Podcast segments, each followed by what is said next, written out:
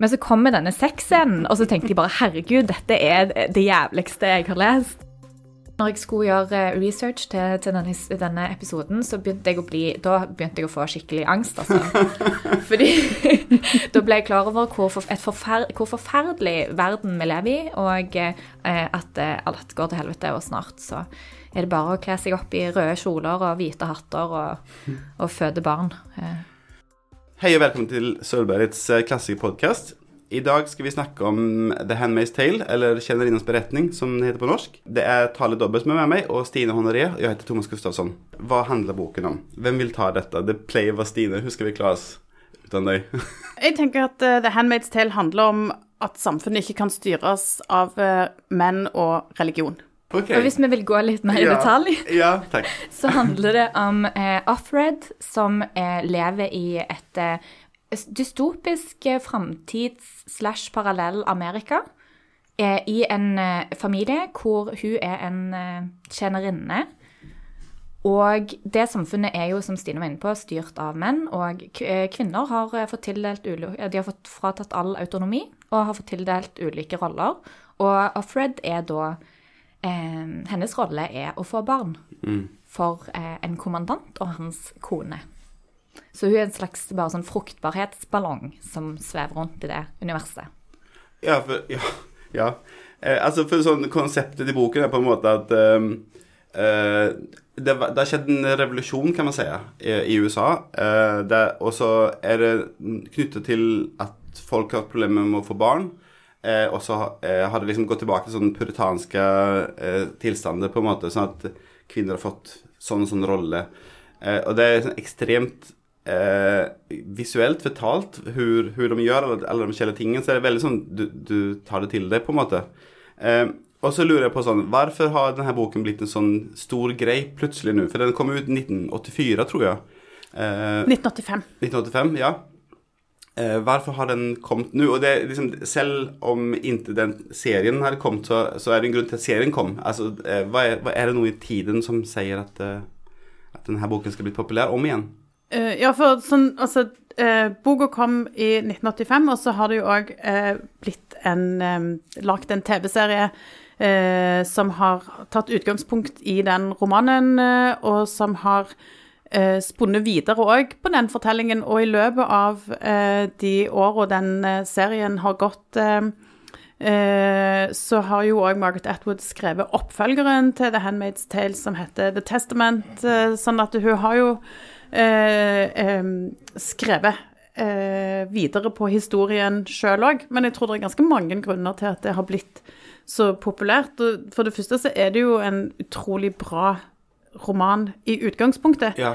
Eh, og sånn som du sier, så beskriver det et, sånn, et samfunn eh, der eh, kristne fundamentalister har tatt makten, og der en lever Går tilbake til det gammeltestamentlige, vel. Eh, og så har det òg vært, det har vært revolusjon i USA, og det har òg vært eh, eh, Det henvises jo hele veien til at det har vært en sånn miljøkatastrofe. og deler av verden er dekka av sånn giftig radioaktivt avfall, og fruktbarheten har sunket så drastisk at en har på en måte måttet endre måten en lever og organiserer samfunnet på, for å prøve å øh, øh, få øh, samfunnet til å, å, gå videre, da, eller for å mm. få, få, produsere nok barn til at samfunnet kan fortsette som før. og jeg tror jo at, at Eh, hvis en ser på f.eks. Afghanistan og Taliban, eh, så ligner jo dette samfunnet ganske mye på sånn som, eh, sånn som eh, Taliban styrer samfunnet der. Og så tenker jeg at den miljøkatastrofen som Margaret Atwood skriver om, som ikke blir beskrevet altså Det ikke, går ikke i detalj på hva som egentlig har skjedd, men, men det er jo mye mer aktuelt nå enn det var i 1985, at vi faktisk ødelegger verden såpass mye at det kan føre til krig og revolusjon eh, pga. Eh, kamp om ressurser eh, og de konsekvensene som, som ja. det har. Pluss at det er jo mange plasser i verden nå der kvinner opplever at, at rettigheter og, og, den muligheten til å bestemme over egen kropp blir kraftig stramma inn, bl.a. i USA. Mm. Mm. Og det er jo veldig interessant med denne historien, for han føles jo ekstrem. Sant? Det er jo et eh, Det er en holdning til kvinner og en samfunnsstruktur som vi ikke kjenner oss igjen i. Men hvis man bryter det opp, så er det jo Um, Og det er jo Margaret Atwood òg veldig ærlig om, at dette er egentlig ikke fiksjon. Det er alle de elementene som disse kvinnene blir utsatt for, det er eh, reelle hendelser. Eh, ting som har funnet sted i historien, eller som skjer i dag. Eh, og det er den der kombinasjonen som gjør det veldig, veldig skummelt, da. Em, og jeg må innrømme at når jeg leste boken, så ble jeg veldig positivt overraska. Fordi jeg, jeg gikk inn og tenkte sånn Dette her blir helt jævlig. Det blir en angstfylt opplevelse. Men det er jo en bok som er veldig spennende, som har høy driv, og som på en måte er litt sånn eh, som å lese en krim. Eh, men så, når jeg skulle gjøre eh, research til, til denne, denne episoden, så begynte jeg å bli Da begynte jeg å få skikkelig angst, altså. Fordi da ble jeg klar over hvor, forfer, hvor forferdelig verden vi lever i, og eh, at eh, alt går til helvete, og snart så er det bare å kle seg opp i røde kjoler og hvite hatter og, og føde barn. Eh, Jeg tenkte bare, når du snakket til Stine før, at det, for oss som er liksom litt eldre enn Tale, da, så vokste vi opp liksom med eh, liksom Sovjet, og eh, at eh, regnskogen ble spist opp eh, av onde makter, på en måte. Og for, for det, det er på en måte derfor hun skrev det sånn som det er på den tiden. fordi det var jo allerede da var det krise, og nå er det bare at krisen er uendelig mye verre.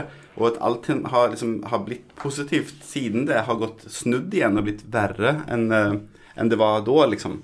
Så verden er på vei i feil, feil eh, retning. Ja, og hun skriver jo Altså, eh, denne romanen kom jo ut før Tsjernobyl-katastrofen, f.eks.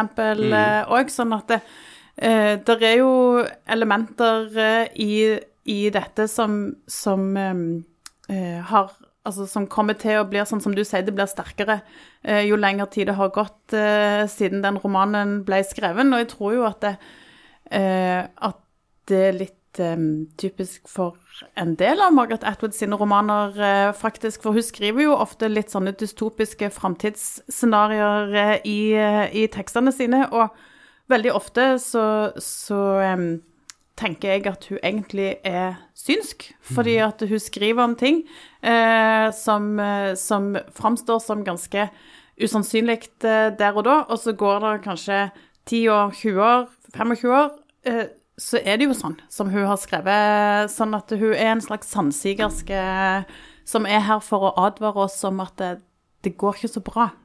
Men når du ser intervjuet med henne, eller ser, altså, ser hele hennes blikk, hele hennes framtoning er sånn ekstremt intelligent og, og gøy. Og altså, det, det, det forvåner meg ikke at hun, at hun plukker opp sånne trekk og tenker hva skjer om, om dette kjøres helt ut, på en måte. Så eh, jeg syns det, det er på en måte ikke overraskende at det er hun som har skrevet det, for hun virker som utrolig spennende menneske, liksom, i tillegg til hennes bøker, da. Det som er ehm, eh, det, For det, er jo, det framstår litt som science fiction eh, på en måte, dette her, men, men eh, Margaret Atwood sjøl bruker jo begrepet speculative fiction, eller spekulativ fiksjon, eh, som er eh, mer eh, at du tar fragmenter, akkurat sånn som du sa, Tale, at du tar fragmenter av virkeligheten og av livet sånn som det er nå, og så belyser du det eh, med et kritisk blikk, og så setter du det sammen til et sånn eh, til en sånn egentlig usannsynlig framtid, men basert på eh, sannsynligheter. Eh, dette kan skje hvis vi ikke gjør noe med samfunnet sånn som det er nå, så er dette en mulig framtid. Og så spekulerer hun i på en måte hva som kan være konsekvensene av eh, sånn som samfunnet er nå, da. Altså, jeg, jeg leste eh, at hun skrev at hun, eh, hun er fra Canada, men hun, satt, hun liksom lot det utspille seg i USA fordi hun tenkte at ingen hadde trodd på at dette kunne skje i Canada, for Canada tradisjonelt vært et sånt land som folk rømmer til, på en måte. Eh, og det, det, det, det sto hun ennå inne for, at USA på en måte har mange sånne litt ekstreme holdninger. Kanskje begge veier, da, både positive eller veldig frie, og veldig sånn forknytta. At de har den kombinasjonen som kanskje trengs for å lage spesielle forutsetninger til dette, da. Jo, for en ting som jeg tenkte på òg med, med når jeg leste boka på ny nå, som jeg tenker kanskje har endra seg litt, er at, eh, at det amerikanske samfunnet er mye mer fragmentert nå enn det var før. Sånn at det, eh, sånn som her så har det jo kommet en ny republikk, Gilead, eh, som er basert på det gamle USA, men det er jo ikke alle statene som er med i Det er jo en borgerkrig, så det er jo enkelte stater som holder seg utenfor. Eh, vi er vel på østkysten av USA, altså på vestkysten så er ting litt annerledes. Eh, og, og sånn som det er i USA nå òg, så er det jo større og større forskjeller mellom de ulike statene. Eh, I forhold til hvordan de tenker eh, politisk og, og lovgivning rundt hva, som, hva, slags bøker som en skal få lov til å lese på skolebibliotek, eller på eh, hos, altså abortlov. Så det, det, er jo en sånn um, endring på gang, kanskje, i de såkalt forente amerikanske stater. Ja, for det er jo en ironisk faktum at uh, denne boken har blitt forbudt på diverse videregående skoler i USA. Og det er sånn bare pff, liksom sier rundt. liksom, dette er så uh, ironisk, liksom, at uh, Ja.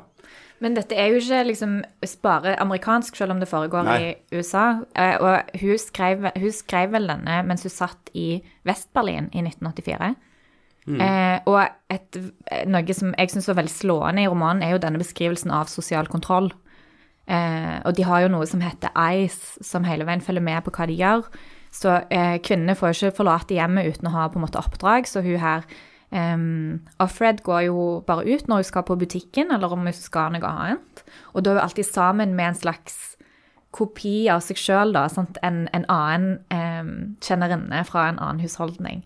Og de er jo eh, satt sammen for å, for å, holde hverandre i sjakk. Sant? Fordi det er jo masse angiveri i dette samfunnet, og man skal passe seg veldig for hva man sier, eh, og hvordan man ytrer seg, for å ikke eh, forsvinne da. Mm.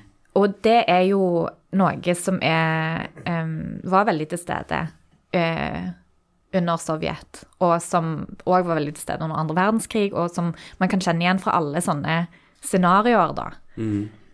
Så igjen så syns jeg det er liksom utrolig skummelt å se disse Ja, det blikket hun har på ting. Hun trekker fram historiske hendelser, og så eh, tenker jeg at i dag så Ja, som du var inne på, Thomas, at, at verden har egentlig gått i helt rett retning fram til nå. Men, eh, men, nå har vi plutselig på veldig kort tid hatt mange omveltninger òg mm. i Europa, som gjør at uh, denne boken føles veldig, veldig aktuell igjen. Ja. Jeg tenker også Et eksempel på, uh, på det som du, Tale, sier med, med at du har et skråblikk på vårt samfunn, så skriver f.eks. Eh, for de som hersker i Gilead, de tenker jo selvfølgelig at de har gjort alle en tjeneste, og særlig har gjort kvinner en tjeneste med at de får sjansen til å eh, fjerne seg fra, fra skjønnhetsidealer og bare leve eh, for å oppfylle sin funksjon som, som menneske, som jo er å føde barn. Og så sier de sånne ting som at ja, men tenk hvor samfunnet var før.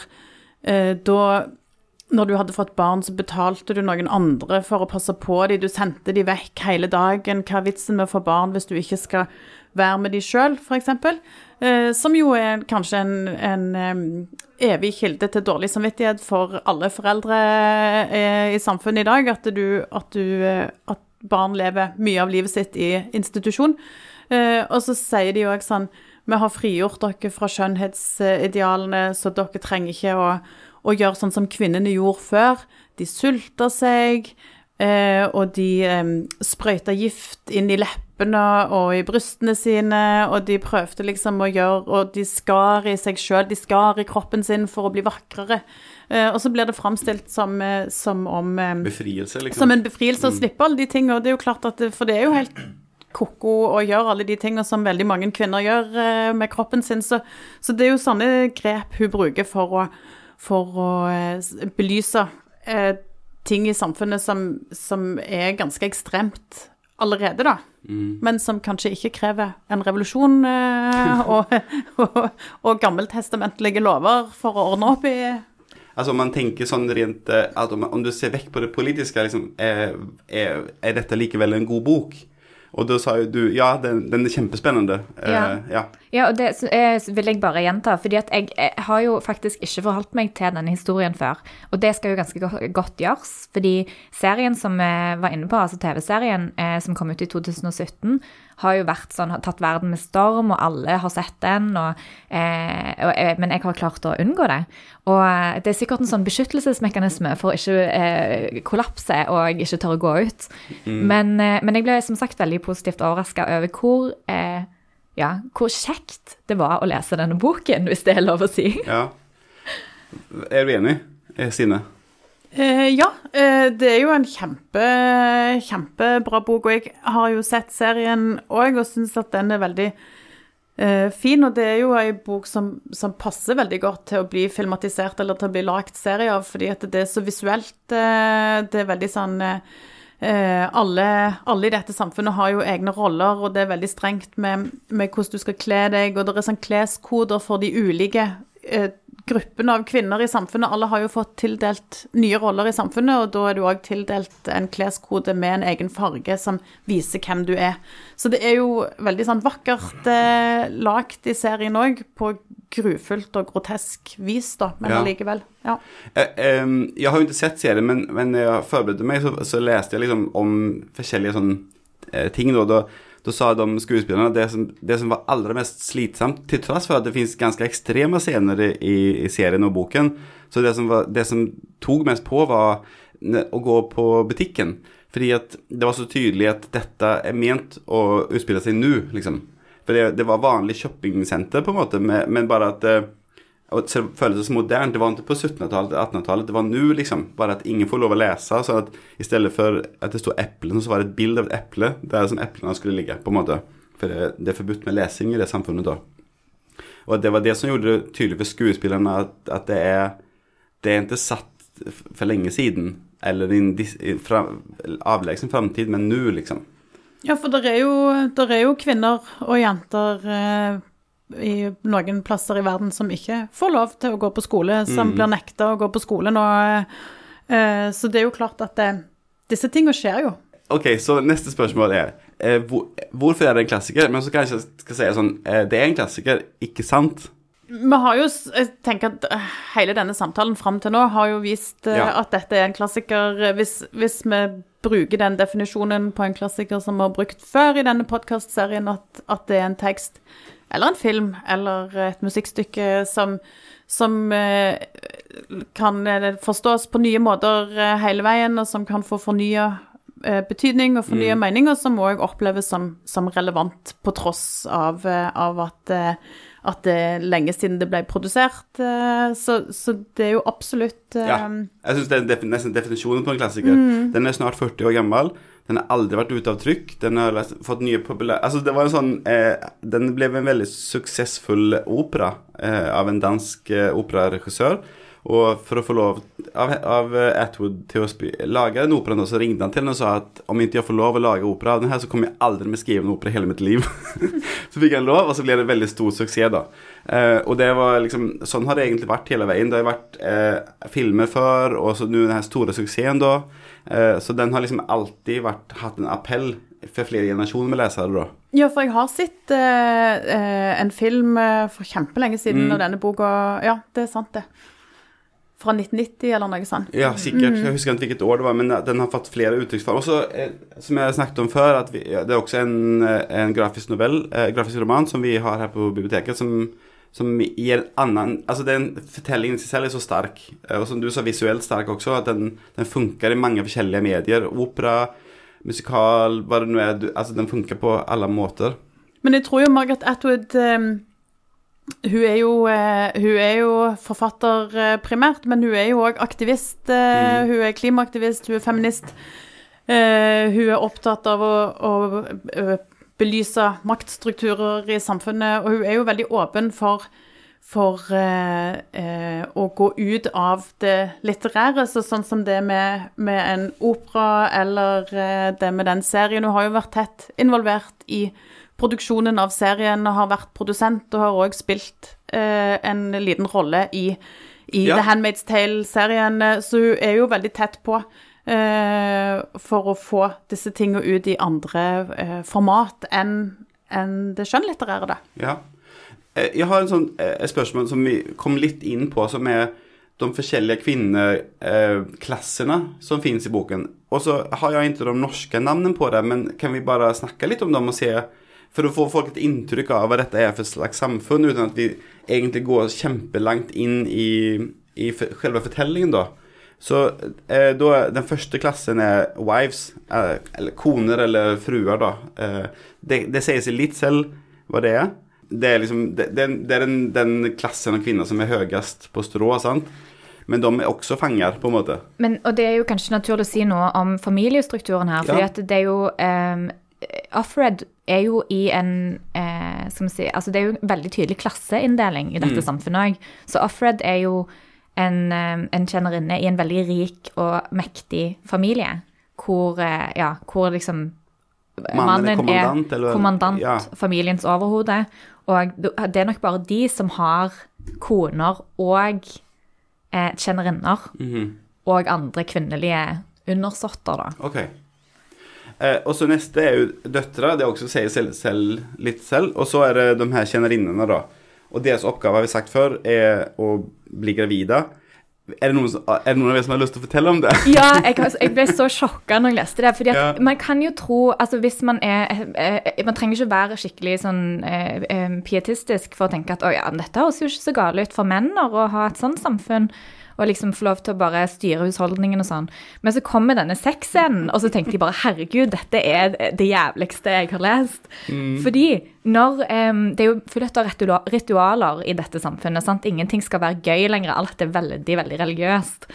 Så når um, Offred skal bli gravid, så ligger hun i ektesengen til kommandanten og hans kone. Og så ligger hun i fanget til konen. Konen holder fast armene hennes, mens kommandanten da penetrerer henne, fullt påkledd. Og så er det sånn lite sånn laken som henger foran fjeset til Offred. Sånn at det liksom Det er ingen intimitet i det hele tatt. Det er bare eh, penetrasjon. Og det, det Inseminasjon, liksom. Ja, ja. Ja. Helt forferdelig scene. Og ja, det er en av grunnene til at jeg absolutt ikke ville se den serien. For jeg hadde ikke lyst til å ha det inni mitt hode. liksom, For det, i boken er det likevel sånn ja, Jeg har jo gått og lurt på etterpå hvordan eh, hur har de gjort det i den serien, på en måte. Fordi det, det, er, så, det er så sinnssyk ting å komme på og, å gjøre, på en måte. Men eh, ja, så det, det, er liksom, det er sånn de gjør det, og det er det som er, som er oppgaven til den klassen eh, kvinner. Eh, det er egentlig bare å gå litt i butikken og kjøpe et eple av og til, og så utenom det bare vente til de kan få eh, bli med barn igjen. Fordi eh, sånn, kvinnene eh, i det samfunnet har problemer med å bli gravide, så hver mann har, skal liksom Ja, og så er det jo også, Du blir jo kjennerinne hvis du har født før, og hvis du har vist at du faktisk er i stand til å produsere Ja, et barn. Ja. Eh, sånn at eh, eh, Så alle kjennerinnene er jo mødre fra før. Eh, men de barna som de hadde, de har jo blitt tatt fra de og gitt til andre familier, og så har de bare blitt satt inn i denne her eh, produksjonen eh, av, av barn, da. Og, og da er det òg sånn at det, hvis du ikke eh, blir gravid etter et visst antall eh, tre utplasseringer hos en familie, eller hos, eh, hos tre forskjellige familier, så det går jo ikke bra. Nei, da da- er det jo på en måte, da har du ingen nyttefunksjon i samfunnet lenger, så da må du bare fjernes. Eh, og det er jo òg sånn at det, det er ingen som snakker om, om menns fruktbarhet her. Eh, Det er jo bare kvinnene, om de er i stand eller ikke i stand til å produsere barn. Det er ingen som snakker om at kanskje det er kommandanten sin feil at de ikke blir eh, baby. Stemmer. Ja. Og ja, når vi snakket på litt på forhånd, tale, så sa du også en annen faktor som handler hvem som blir valgt ut til å bli eh, sånn handmaid, da. Handmaid. Ja, eh, de som er Jeg vet ikke om dette er litt spoiler, men det trenger ikke å være det. Men eh, de som er handmade, er, er da kvinner som har vært eh, gift for andre gang. Eller at, at mannen har vært gift for andre gang. De er liksom kone nummer to i det normale samfunnet. Så de første som blir kjennerinner, de er da andregangskoner i det vanlige samfunnet og har barn fra før av. ja, for da har du jo eh, vel inngått i et ekteskap som, som, ikke- ikke er gyldig. Ja, det var vist dårlig moral, så Ja. Ja. ok, greit. Eller òg hvis du bare har vært samboer, f.eks., og ikke har vært gift. Mm. Da sier det seg jo sjøl at, eh, at de ungene du har, eh, er bastarder eh, og ikke fortjener å leve i en familie i en sånn uh, u- eh, feil familiestruktur. Og òg hvis du er lesbisk, eh, så, så har du jo heller ingen funksjon i dette samfunnet utenom at kanskje du kan klare å produsere noen barn, da. Men det er jo òg liksom, tilbake til den eh, sexscenen som jeg er veldig opphengt i. Eh, det er jo nesten direkte tatt fra Bibelen. Sant? De, har jo, de tar det jo så bokstavelig at eh, fordi eh, jeg Rakel som eh, ikke kunne få barn, og derfor så gir hun eh, slavekvinnen sin til mannen sin for at hun skal føde for henne. Og, og, eh, altså, og det beskrives hvordan hun skal liksom eh, føde på, på fanget til Rakel, sånn at babyen på en måte kommer ut av de begge to. Og, og det tar de bokstavelig sånn. Så når de skal, både når de har sex, så er liksom Er de kvinnene en enhet, og når det fødes, så er de òg en enhet. Det er veldig, veldig ubehagelig. eh, men det er vel det som er problemet med mange sånne puritanske religiøse samfunn, at de, de, leser, de leser teksten litt for bokstavelig. eh. Ok, så det var handmaids. Eh, og så er det eh, aunts, aunts, eh, tanter. Eh, hva, hva har de for funksjon? De, de passer på og har opplæring med kjennerinnene for å sørge for at de blir eh, drilla i den rollen de skal ha. Eh, og tantene har vel eh, fått den funksjonen fordi at de er for gamle til å være fruktbare sjøl. Eh, og så er de ikke gift, så de har på en måte ikke en sånn familie de skal ivareta. Og så er de for unge til å bli sendt til sånn tvangsarbeid eh, med å rydde opp sånn radioaktivt avfall og sånn som de, som de sender De gamle, de gamle kvinnene, de må liksom bare eh, reise til det som heter koloniene, eh, og, og rydde Jeg blir helt sjokkert Ja. om igjen når du sier sånn. Å, fy, altså. Men, men jeg syns jo at det allerede nå så ser vi jo et, at Atwood har et ekstremt kritisk blikk, ikke bare på menn og liksom religiøse samfunnsstrukturer, eh, hvordan menn oppfører seg i de. Fordi vi har vært inne på konene. Sant? Konene lever egentlig ganske gode liv. Eh, og Marthas de gjør jo det samme. Sant? De har maktposisjoner i disse samfunnene til tross for at de er kvinner. Eh, og kvinner er jo like jævlige som menn i dette samfunnet. Det er jo altså sant, man tar det, Jeg føler det er sånn forferdelig, en forferdelig belysning av hvor forferdelige mennesker er. Ja. Fordi så snart vi liksom er pressa og ser mulighet til å ta en maktposisjon, så gjør vi det. Og da oppfører vi oss helt forferdelig mot andre mennesker for å beskytte oss sjøl. Ja, og, men òg og litt hva, hva frykt eh, kan få deg til å gjøre. Eh, fordi at dette er jo et samfunn som er basert på at du hele veien skal være livredd for å bli eh, angitt, arrestert, henretta, sendt til de radioaktive koloniene. Altså, så det er jo på en måte Frykt er jo òg en veldig sånn sterk drivkraft eh, for folk her. Jeg får bare spørre noe. For det, nå snakket du om Marthas eh, tale, men vi snakket om eh, Unnskyld. aunts. Ja, jeg mente, Er det- jeg mente tantene. Jeg mente tantene, jeg sa feil. Så hva er forskjellen på tantene og Martha? Martha er, er kjøkkenhjelpen. ah, ok. Det, ja. det er de som lager mat. Ja. Ja, og det er jo òg basert på, På på, Bibelen, ja. Bibelens Martha, som, eh, som eh, måtte lære seg å prioritere rett eh, ifølge Jesus. Ja. Så, men en, en, en Martha er jo er den som ordner alt det praktiske, litt sånn som å lage i stand til selskaper og lage Ja. mat og sånn, sånn som, sånn som den bibelske Martha. Liksom. Mm. Og så har vi noe som heter Econowives. Vet du hva det er?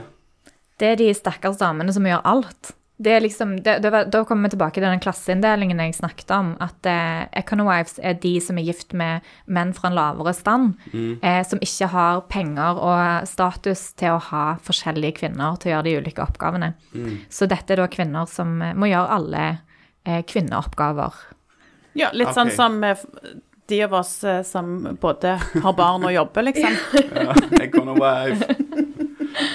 Eh, tusen takk for gjennomgangen. Jeg følte at det var en sånn eh, bra måte å snakke om boken uten å si eh, faktisk hva som skjer, liksom. Sånn. Uh, og så uh, lurte jeg på, Stine, hadde du lyst til å si noe om Margaret Atwood? Ja, Margaret Atwood er jo Hun er jo en sånn litterær superstjerne. Hun er jo en av de virkelig store internasjonale forfatterne, og hun, hun eh, debuterte på, på 60-tallet og har vært veldig produktiv. Hun skriver romaner og noveller, hun er essayist, hun har gitt ut veldig mange diktsamlinger òg. Hun skriver veldig fine dikt. En mm.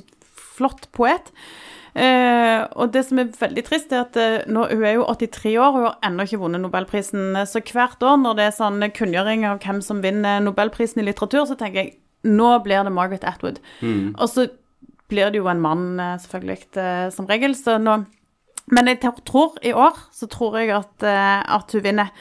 Uh, og hun, hun, er jo en veldig samfunnskritisk forfatter, og, og er veldig uh, Det er jo uh, I nesten hele forfatterskapet så, så går den aktivismen igjen, og hun hun er jo feminist, men hun skriver ganske brutalt om kvinner. Litt sånn som du var inne på å tale her òg, at kvinner er Altså, det er jo ikke sånn at det Hun er menneskekritiker, eh, ikke bare eh, mannskritiker. Ja, ja, ja. Mm. Eh, og så har hun en veldig sånn eh, hun har en veldig sånn fin eh, tone, for hun bruker mye humor og sarkasme og veldig sånn, veldig sånn tørrvittig ofte i, eh, i, de bøkene hun skriver. Så jeg anbefaler egentlig alle å, å lese det meste av uh, Margaret Atwood. Uh, og ofte så blir en ganske redd. Jeg blir kjemperedd når jeg leser Atwood sine tekster, uh, fordi at de er veldig skumle. og så kan jeg bare si at hun er veldig sånn Hun er en sånn gøy som person òg, for hun er veldig opptatt av teknologi, f.eks. Mm. Sånn at hun, hun I tekstene så undersøker hun muligheter i teknologien og skriver om ting som kanskje um, Eh, som, som, kanskje ikke fins ennå, men som på en måte senere, i 20 år etterpå, blir en slags mulighet. Eh, og så har hun f.eks. latt seg intervjue som hologram flere ganger. Eh, sånn at hun sitter på scenen i hologramform. Det skjedde en gang på litteraturfestivalen i Lillehammer. Da var hun på scenen, men egentlig i Canada. Eh, da var det han Simen Ekern som intervjuet på scenen i Parken i Lillehammer. Og så har hun òg oppfunnet en sånn robotpenn som gjør at du kan signere bøker uh, Hun kan fjernsignere oh. bøker, og det er veldig gøy. ja. sånn, at, uh, sånn, at, hun kan sitte hjemme uh, og signere bøker i, på et annet kontinent. Og da har hun sagt at det er fordi at det, er klimavennlig å slippe å reise for å ha boksignering, og så sparer hun tid. For hun vil heller bruke tid på å skrive enn å, enn å reise på turné og sånn. Og så det litt sånn at det er et demokratisk og fint prosjekt òg, fordi at hun eh, da kan kanskje små bibliotek i små byer som ikke har råd til å ha en sånn internasjonal superstjerne på besøk, da kan de òg arrangere boksignering med Margaret Atwood, eh, bare at hun ikke er til stede sjøl, da. Ja. Mm. Jeg føler at vi har kommet inn på det, det er grunnen til at hun ikke får Nobelprisen, fordi at eh, de Hun er alt egensinnig og gøy å gjøre som hun vil. Sant? Hennes bøker er jo sånn tilnærmet science fiction, og det, det er sikkert altfor folkelig for de eh, eh, svenske folken. Så eh, jeg føler at For det, det, er det som er så gøy med henne, at, eh, at hun er sånn eh, Jeg gjør som jeg vil, og så blir det alltid kjempebra, og det er veldig tilgjengelig for, for det, det, er ikke vanskelig å lese det, sant? Det er lett å lese. Nei, absolutt ikke. Det er veldig, eh, veldig underholdende og veldig lett. Eh, ja. Og, ja. Selv om hun snakker om tunge tema, så er det bare sånn eh, Alle kan lese det. Mm. Men om vi kan snakke om noe som, som jeg eh, beit meg merke i nå når jeg leste boka på ny, som jeg syns var så interessant. Eh, er, det, er, det, lov, eller? ja, veldig gjerne. Fordi at eh, For det går litt på det med, med en bok som, som, kanskje får en ny mening etter hvert som tida går, da. Og, og, det handler om tid. Fordi at uh, eh, det er mye fokus på tid i denne romanen, eh, og, og eh, Offred snakker mye om det å få tida til å gå, sant? for det er ingenting å gjøre. Uh, hun skal ha sex en gang i måneden med kommandanten, og så skal hun gå på butikken hver dag, og that's it. Uh, og nå når vi er på vei ut av pandemi og lockdown, uh, så kjente jeg sånn på den der Hun sitter og ser ut vinduet, hun studerer sånn detaljer i i, i, huset. Altså, alle bøker er jo fjerna, alle malerier, all dekor er jo fjerna, så det er på en måte Huset er jo òg veldig tomt. Eh, og så, er alle sånne ting som en bruker tida på i et vanlig samfunn, som ikke er i lockdown, eller som ikke har eh, hatt en puritansk revolusjon.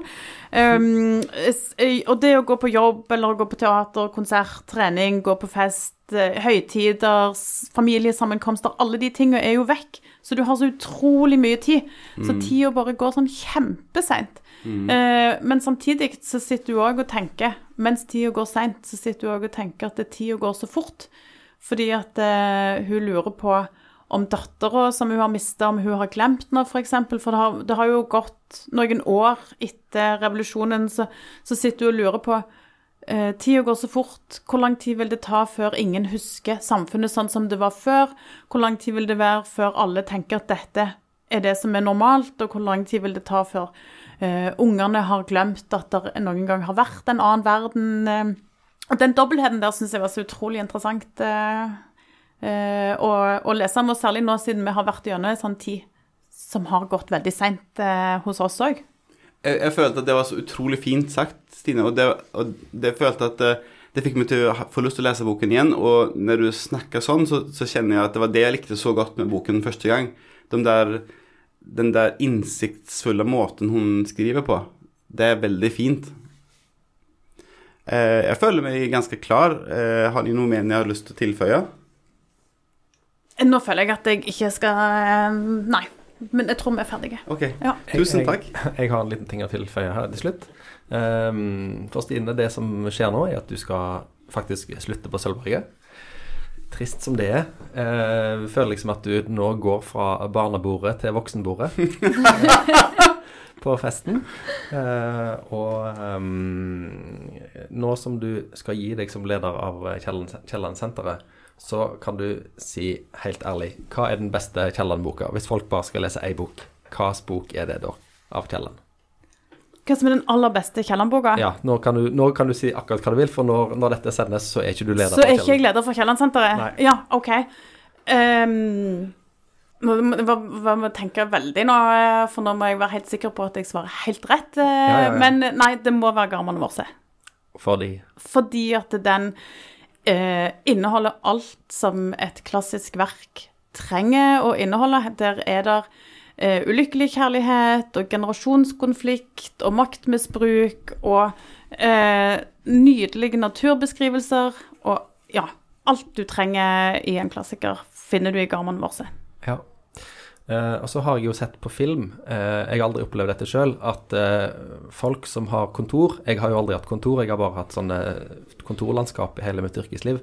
Men folk som er på kontor, og du får et kontor i kommunen nå, sant? Nei.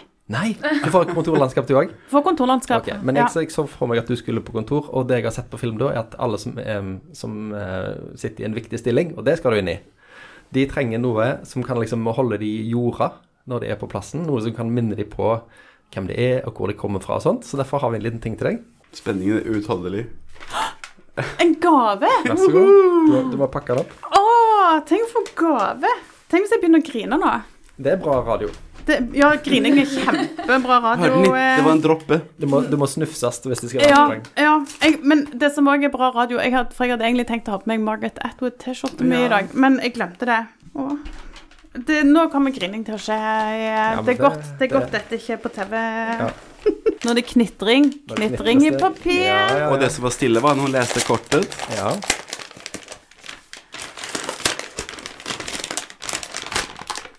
Veldig høy knitring i papir. det er veldig dumt at dette er radio, som jeg ikke kan, kan vise dette eh, mesterverket av en eh, fotokollasj, eh, innramma og fin, som jeg har fått, av de fire store og de tre store, tenker jeg. For her ser jeg bilder av Kielland Bjørnson, Thomas Gustavsson, Jonas Lie, Åsmund Odnøy, Henrik Ibsen og tallet Dobbert. Ja. Der har du de sentrale åndsskikkelsene i ditt liv samla på, på ett bilde. Utrolig fint. Ja, det er kjempegøy. At jeg har men dere vet òg, jeg kommer jo tilbake for, ja, ja. Å, for, Å, være med og lage en podkast ja. senere. Du har allerede valgt hva vi skal snakke om? Ja. ja. Ja, det gleder vi oss eh, stort til. Mm. Så uh, vi bare, dette er bare en sånn uh, påminnelse om at du ikke må, må glemme oss, og uh, hvor det kommer fra. Og, og, blir det for stritt i kommunen, så kast et blikk på, på dette bildet, og så vil du fylles av ro og inspirasjon. Ja, og det er jo sånn, det er jo sånn eh, støtte på dette bildet, så jeg trenger jo ikke en vegg på et kontor for å henge den opp. Jeg kan ha den stående på pulten. Det var hele ja. poenget mitt. Ja. Støtte bak er viktig. Ja. Mm. Når du skal ta store avgjørelser og fordele millioner til eh, prosjekter i byjubileet, så bare et lite blikk på bildet der, så, så vil du komme på rett kurs. Dette har vært noe av det gøyeste eh, ever å spille inn sammen med deg. Det har vært kjempefint. Så eh, vi ser deg jo stadig vekk, Stine, men eh, lykke til med det du skal gjøre. Du skal jobbe med byjubileet for Stavanger, sant? Mm. Heldigen Stavanger. Ja, hellige Stavanger. Det skal bli kjempefest. Vi gleder oss.